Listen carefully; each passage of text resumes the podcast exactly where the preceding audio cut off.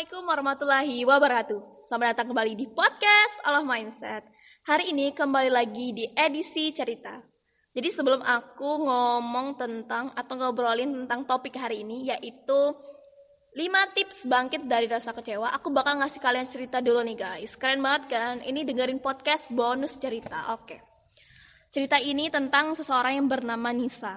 Jadi dia ini berkuliah di salah satu universitas di Indonesia lah ya. Nah, karena dia seorang mahasiswa ya mahasiswa biasa gitu. Dia menjalani hari-hari perkuliahan. Ketika dia menjalani hari-hari perkuliahan seperti biasa, salah satu temen kelasnya itu ngajakin untuk ikut lomba. Yuk, kita ikut lomba nih.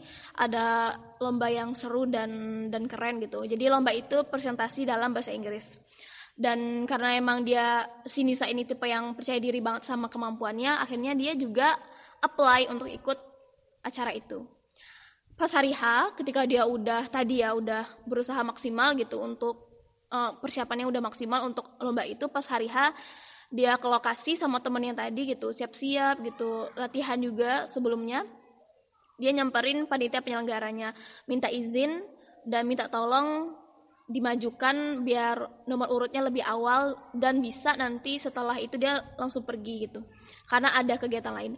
Akhirnya dia maju di nomor urut 2 dan seperti biasa karena dia emang merasa percaya diri banget dia melakukan yang terbaik dia pede dan memang maksimal. Pas sesi tanya jawab sama juri pun dia juga bisa melakukannya dengan dengan baik. Bahkan juri sampai bilang well done perfect gitu. Nah setelah setelah dia maju itu dia langsung siap-siap pergi untuk kegiatan selanjutnya yang gak ada hubungannya sama lomba. Kegiatan selanjutnya itu sampai sore dan sore itu tadi setelah sore itu dia balik lagi ke lokasi lomba karena bakal ada pengumuman pemenang. Karena dari awal dia udah merasa yakin dengan kemampuannya dan pas dia maju juga dia merasa udah maksimal dia akhirnya berekspektasi tinggi punya harapan bahwa dia bakal menang dia bakal jadi juara dia bakal mendapatkan kebanggaan hari itu Terus pas dia balik ke lokasi, dia duduk sama teman-temannya. Jadi ada pensi dulu, panitia penyelenggara itu menyelenggarakan pensi sebelum sebelum acara pengumuman pemenang lomba. Pas acara pengumuman lomba, akhirnya lomba, lomba pemenang-pemenang lomba itu disebutin satu-satu. Nah, pas bagian pas banget yang bagian presentasi dalam bahasa Inggris itu disebutin ya gitu.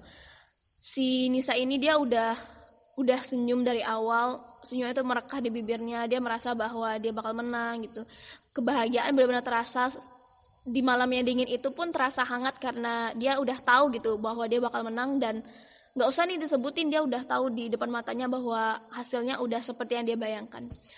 Harapan tiga harapan dua harapan satu sampai juara satu.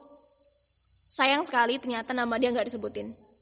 Dan itulah di saat malam yang dingin itu terasa lebih dingin karena dia udah nggak tahan dan merasa sesak banget. Untungnya orang-orang di sekitarnya juga paham. Akhirnya memberikan pundak untuk bersandar menangis dia menangis menangis menangis benar-benar udah nggak bisa nggak bisa menahannya itu meluapkan semuanya. Akhirnya ketika perasaan sesak itu makin makin nggak bisa ditahan dia memutuskan untuk pulang. Dia merasa sudah tidak bisa bertahan lagi di tempat itu bahkan untuk satu detik sekalipun. Pas pulang bukannya merasa lebih baik ternyata perasaan itu rasa kecewa itu semakin menghujam dalam. Semakin sakit semakin ngilu rasanya akhirnya bukannya tidur bukannya beristirahat dia masih menangis. Menangis menangis menangis menangis. Dan ketika air mata itu sudah sudah rasanya tidak tidak bisa menggambarkan rasa sedihnya untungnya teman sekamarnya itu memahami dan memberikan perhatian lebih. Dia mencoba memberikan memberikan hal-hal yang bisa menyenangkan atau membalikkan lagi semangat dari si Nisa gitu. Saya sekali dalam dalam satu minggu setelah kejadian itu dia masih bertarung dengan rasa kecewa itu. Bahkan ketika orang tuanya pun menghubungi dan menelpon berkata tidak apa-apa, tidak semua yang kita inginkan itu bisa terjadi. Terkadang hal yang di luar ekspektasi itu yang mengajarkan kita pelajaran berharga satu minggu itu ber, berlalu sangat lambat dan benar-benar terasa menyakitkan. Tapi dari peristiwa itulah Sinisa belajar tentang amat berharganya sebuah rasa kecewa dan pedihnya punya ekspektasi yang terlalu tinggi. Jadi guys, Sinisa ini adalah aku. kenapa namanya Nisa ya? Karena orang sering banget nama nanya aku nama kamu siapa? Nama aku Lisa Aulia. Terus nanti mereka nulisnya Nisa gitu. Jadi aku ya sering gitulah. Nama namaku tuh rada banyak gitu. Jadi itu yang mau cerita tentang aku sendiri. Nah dari peristiwa itu sebenarnya awal apa ya awal sesuatu yang yang yang menyedihkan banget untuk untuk kehidupan baru aku di perkuliahan. Tapi dari situ aku belajar gimana sih rasanya sakit punya ekspektasi yang terlalu tinggi dan akhirnya jatuh runtuh akhirnya kecewa berat gitu. Nah gimana sih caranya aku bisa bangkit dari rasa kecewa itu? Nggak berlama-lama nggak nggak menangis sepanjang tahun dan sepanjang masa gila. Oke sekarang masuk ke topik jadi aku bakal jelasin tentang gimana caranya bangkit dari rasa kecewa. Aku punya lima tips di sini. Sebelumnya aku bakal jelasin dulu kecewa itu apa. Jadi dalam kamus besar bahasa Indonesia, kecewa itu adalah kecil hati atau tidak puas. Atau kecewa itu adalah perasaan yang sulit diungkapkan karena ketika kita ketika seseorang merasa kecewa, seseorang itu harus mengungkapkan kekecewaannya terhadap orang yang membuatnya kecewa. Akar dari perasaan kecewa ini apa? Akar dari perasaan kecewa adalah ekspektasi yang terlalu tinggi terhadap orang lain atau bisa dibilang ekspektasi yang tidak wajar. Nah, hal yang kalau bisa dibilang complicated dan sulit dalam perasaan kecewa adalah ketika seseorang merasakan kecewa, seseorang tersebut ingin orang yang membuat membuatnya kecewa itu mengetahui bahwa dia itu sedang kecewa gitu, tanpa dia mengatakannya. Jadi misal kayak si A kecewa karena si B, si A pengen nih si B itu paham kalau dia kecewa. Tapi dalam banyak kasus-kasus yang terjadi, kasus ya, kayak apa aja. Jadi banyak dalam kasus yang terjadi, kebanyakan orang-orang yang membuat seseorang itu kecewa itu tidak paham karena memang tidak diungkapkan gitu. Orang yang kecewa itu tidak mengungkapkan jadi gimana orang yang membuat kecewa ini tahu gitu kan. Nah aku punya lima tips nih di sini. Lima tips bangkit dari rasa kecewa. Pertama lihat dan kenali lebih dalam dirimu sendiri. Ketika kita merasa kecewa kita harus bisa membedah membedah ya kita harus bisa mendeskripsikan secara detail apa yang membuat kita kecewa jadi banyak sekali alasan-alasan yang membuat seseorang kecewa. Misal pertama, orang itu terlalu berharap terhadap orang lain atau orang tersebut ingin orang lain itu memperhatikan dia. Ketika dia tidak mendapatkan perhatian itu, dia merasa kecewa. Yang kedua, dia terlalu bergantung kepada orang lain. Ketika orang yang tempat dia bergantung itu tidak selalu hadir untuk membantu dia akhirnya dia merasa kecewa. Banyak sekali alasan-alasan kecewa. Nah kita sendiri harus bisa menganalisis secara mendalam kenapa sih kita kecewa gitu dengan mengenali diri kita sendiri. Terus yang kedua memanajemen ekspektasi. Ini ini emang kalau bisa dibilang yang paling kelihatan ya. Jadi ketika ketika kita melakukan sesuatu ketika kita akan ya melakukan apa saja lah ya pastikan ekspektasi yang kita punya itu wajar jangan sampai terlalu berlebihan. Karena ya di dalam agama aja disebutin yang sesuatu yang berlebihan tuh nggak baik. Apalagi juga ya ekspektasi juga termasuk gitu. Salah satu penulis terkenal namanya Hemin Sunim dari Korea Selatan dia tuh bilang kayak gini ya. Jangan pernah kita tuh meng mengkomplain mengkritik membenci orang lain yang orang semua orang yang nggak bisa memberikan apa yang kita inginkan. Karena masalah sebenarnya itu bukan orang terhadap orang lain tapi masalahnya itu ekspektasi yang yang kita bangun. Gak ada orang yang bisa memenuhi semua yang kita inginkan. Gak ada orang seperti itu. Dan kita harus bisa menerima hal seperti itu. Yang tadi jangan terlalu berekspektasi kepada orang lain gitu. Karena orang lain tuh gak punya kewajiban untuk untuk memberikan semua yang kita inginkan. Yang ketiga meminimalisir ketakutan terhadap hasil. Aku tadi belajar kok tadi sih? Jadi pas peristiwa yang tadi aku ceritain aku belajar makna besar bahwa jangan pernah menuntut untuk mendapatkan hasil yang yang luar biasa gitu. Karena itu bukan tugas kita. Terkadang kebanyakan orang yang merasa kecewa. Jadi Mark Manson bilang orang yang banyak merasa kecewa itu ya karena mereka tuh nggak bisa tadi nggak bisa mengkontrol harapan. Dan yang paling penting kalau biar kita tuh tetap tetap bisa mengkontrol harapan itu sendiri dan ekspektasi itu sendiri adalah melihat makna dari apa yang kita lakukan. Kayak contoh tadi aku misalnya lomba ya gitu. Aku harus bisa melihat lomba itu dari prosesnya, usahanya, tekadnya dan dan karakter yang tumbuh dari itu gitu. Karakter karakter semangat untuk belajar gitu kan. Nah, dari proses prosesnya itu aku belajar bahwa gak cuma hasil yang jadi tujuannya tapi peningkatan dan peningkatan kapasitas, kapasitas diri jadi banyak hal-hal berharga selain hasil yang harus dijadikan fokus gitu dan yang keempat tugas kita itu berusaha dan berdoa.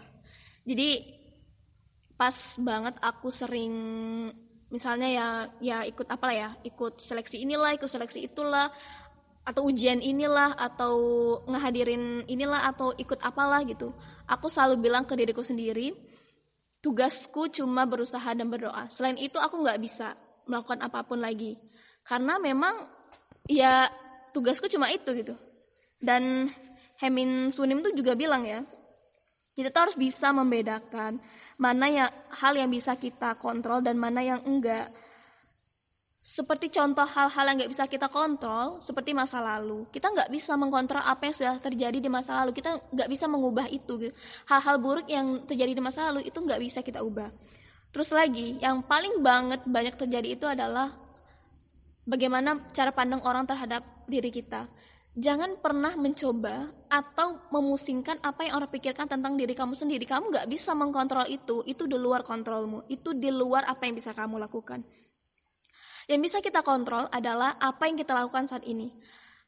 Karena cara untuk biar kita bisa bebas dari rasa ketakutan, ketakutan akan masa depan ya, ketakutan atas masa lalu gitu adalah fokus terhadap apa yang kita lakukan saat ini. Jadi jangan terlalu memusikkan masa lalu dan masa depan karena yang paling penting itu adalah masa ini. Yang kelima dari yang terakhir adalah bersandarlah kepada Allah. Kebanyakan dari permasalahan kecewa itu adalah kita bersandar kepada manusia. Karena Ali bin Abi Thalib itu dia bilang ya, aku tuh sudah pernah merasakan semua kepahitan dalam hidup dan yang paling pahit ialah berharap kepada manusia. Karena terkadang kita manusia punya banyak banget kekurangan. Kalau kita terus berharap sama orang lain, apalagi manusia tuh emang banyak kekurangannya dan gak, gak sempurna gitu kan orang lain tuh juga punya kesibukan masing-masing, orang lain juga punya tugas masing-masing, dan orang lain tuh juga punya kebutuhan masing-masing. Kita nggak bisa menuntut semua orang untuk bisa memahami kita dan mewujudkan apa yang kita kita mau. Dari peristiwa rasa kecewa aku sendiri, aku belajar banyak hal. Pertama, evaluasi. Aku belajar dari evaluasi, mengevaluasi yang sebenarnya apa sih yang terjadi itu dari diri aku sendiri ataupun dari lingkungan, dari hal-hal lain. Aku ternyata menemukan bahwa kan saat itu aku majunya awal banget ya nomor urut 2 padahal saat itu tuh ada ada sekitar 20 peserta. Aku juga nggak terlalu ingat. Nah karena aku nomor urut 2 setelah aku nomor urut 2 itu setelah aku selesai maju aku langsung pergi ke kegiatan lain ya di kampus lain. Karena emang ada acara lain dan aku baliknya itu setelah lombanya udah selesai. Jadi aku nggak bisa aku nggak ngelihat tuh kualitas peserta lain kayak gimana kemampuan mereka kayak gimana dan presentasi mereka kayak gimana. Ketika aku nggak melihat itu aku nggak bisa menilai kan apakah memang aku tuh sebaik atau sekeren atau se wow yang aku pikirkan atau ternyata banyak orang-orang lain yang jauh melampaui aku. Nah, di situ ternyata tadi ekspektasi aku tuh tidak bersumber dengan bersumber dengan hal-hal yang wajar. Jadinya ya berharap terlalu tinggi padahal di kenyataannya nggak seperti itu. Memang dari awal nggak seperti itu. Terus yang kedua, aku belajar untuk jangan lagi berharap sama hasil. Tugasku ya udah tugasku tuh cuma berusaha sebaik mungkin dan berdoa kalau misalnya memang hasilnya memang pertama mungkin aku kurang kurang usaha juga aku harus memperbaiki itu. Dan yang kedua kalau misalnya memang itu nggak ditakdirkan untuk untuk aku sendiri gitu ya udah terima aja gitu. Itulah kenapa setelah lomba itu berkali-kali aku ikut ya ikut seleksi apa pun lah ya aku selalu bilang sama diri aku sendiri sebelum sebelum pengumuman apa pun itu tugasmu hanyalah berusaha dan berdoa. Kalau misalnya hasilnya nggak sesuai dengan yang kamu harapkan kamu harus bisa menerima karena banyak cara-cara lain dan banyak hal-hal lain dan banyak hal luar biasa lain yang bisa kamu lakukan. Jadi emang dari awalnya aku udah ngasih peringatan dan pengingat untuk diri aku sendiri gitu. Jangan sampai aku nanti terpuruk melihat hasilnya gitu. Dan yang ketiga aku belajar dari dari peristiwa tersebut bahwa banyak banget orang-orang yang menghargai apa yang kita lakukan bahwa cinta tuh ya itu tadi. Mencintai dan menghargai orang lain itu bukan berdasarkan apa yang dilakukan tapi dari keberadaan kita sendiri gitu. Ternyata orang-orang di sekitarku juga gitu. Temen-temenku yang ikut lomba sama aku itu juga sangat mengapresiasi apa yang aku lakukan. Dia juga udah setelah lomba itu juga ngasih semangat tetap ngasih semangat ke aku gitu. Terus teman sekamar aku juga waktu itu juga dia menemani aku. Pokoknya benar-benar perhatian banget sampai ngajakin aku ke perpustakaan karena aku seneng banget sama perpustakaan ya. Aku seneng banget baca buku dan seneng banget lihat buku. Jadi kalau lihat buku tuh kayak ngerasa bahagia gitu. Ngelihat doang apalagi beli ya jadi dia ngajakin aku ke perpustakaan waktu itu di Jogja. Dan dia sering banget pulang dari kuliah bawain aku coklat biar aku ngerasa senang dan happy. Orang tua aku juga sering nelpon ya gitu tadi memberikan semangat. Kakakku juga gitu. Banyak banget orang-orang yang itu tadi gitu. Jangan sampai karena dari evaluasi yang nomor satu tadi aku bilang ternyata memang aku pengen hasilnya bagus hasilnya keren hasilnya memuaskan ya aku pengen orang merasa bangga terhadap apa yang aku lakukan gitu. Padahal orang-orang di sekitar kita gitu yang tadi kalau orang orang mencintai kita tuh nggak nggak berdasarkan apa yang kita lakukan tapi atas keberadaan kita sendiri gitu. Karena Ali bin Abi Thalib bilang kan selalu bilang jangan pernah melakukan ya pokoknya jangan pernah mencoba untuk memuaskan orang lain. Karena orang yang mencintaimu tidak membutuhkannya dan orang yang membencimu tidak akan pernah peduli dengan itu gitu. Ya ini sedikit aja dari apa yang aku sampaikan tadi tentang rasa kecewa. Karena rasa kecewa itu juga yang mendewasakan aku untuk belajarlah sedikit demi sedikit dari perasaan sakit dan perasaan yang tidak mengenakan Dari rasa kecewa itu sendiri, tadi udah aku kasih 5 tips. Hemin Sunim tuh juga bilang Jangan sampai kamu menunggu orang lain untuk muncul dan mengubah hidupmu karena ketika mereka tidak datang atau mereka tidak hadir atau mereka tidak sesuai dengan apa yang harap, kamu harapkan, jangan lagi menunggu. Terkadang atau mungkin seseorang yang kamu tunggu itu adalah seseorang yang harus kamu tumbuhkan dari diri kamu sendiri. Jadi jangan menunggu orang tersebut untuk hadir, tapi jadilah orang yang kamu tunggu itu. Ketika kamu merasa terlalu merasa terlalu bergantung terhadap orang lain, Ingat bahwa diri kamu tuh sudah cukup kuat dan cukup bijaksana untuk melakukan banyak hal di luar apa yang kamu pikirkan. Karena diri kamu tuh jauh le lebih luar biasa dari apa yang kamu bayangkan. Guys semuanya, untuk episode episode hari ini aku pengen ngasih pesan ke kalian bahwa jangan pernah berharap orang lain itu bisa membahagiakan kita. Bukan karena tidak mungkin, tapi karena itu bukan kewajiban mereka karena kewajiban untuk membahagiakan diri, diri kita sendiri adalah kewajiban kita. Ketika kita terlalu berharap terhadap orang lain, kita berharap bahwa orang lain akan memahami, akan mengerti, akan memberikan apa yang kita inginkan gitu. Dan itu tidak menjadi nyata, kita merasa kecewa, kita membenci, kita menyalahkan, kita mengutuk dan kita merasa bahwa dunia ini, dunia ini tidak adil. Padahal masalahnya ada pada diri kita sendiri. Karena kita yang tadi tidak memahami bagaimana cara mengkontrol ekspektasi dan juga mengontrol emosi. Bahagiamu adalah kewajiban dirimu sendiri. Sekian untuk podcast hari ini. Semoga kalian masih setia mendengarkan curhatan-curhatan hidupku yang juga rada-rada aneh ini. Apa sih? Semoga kalian tetap sehat selalu di saat pandemi seperti ini. Jangan sampai sakit. Tetap semangat dan tetap bahagia. Sampai bertemu lagi di podcast Alam Mindset di episode selanjutnya. Wassalamualaikum warahmatullahi wabarakatuh.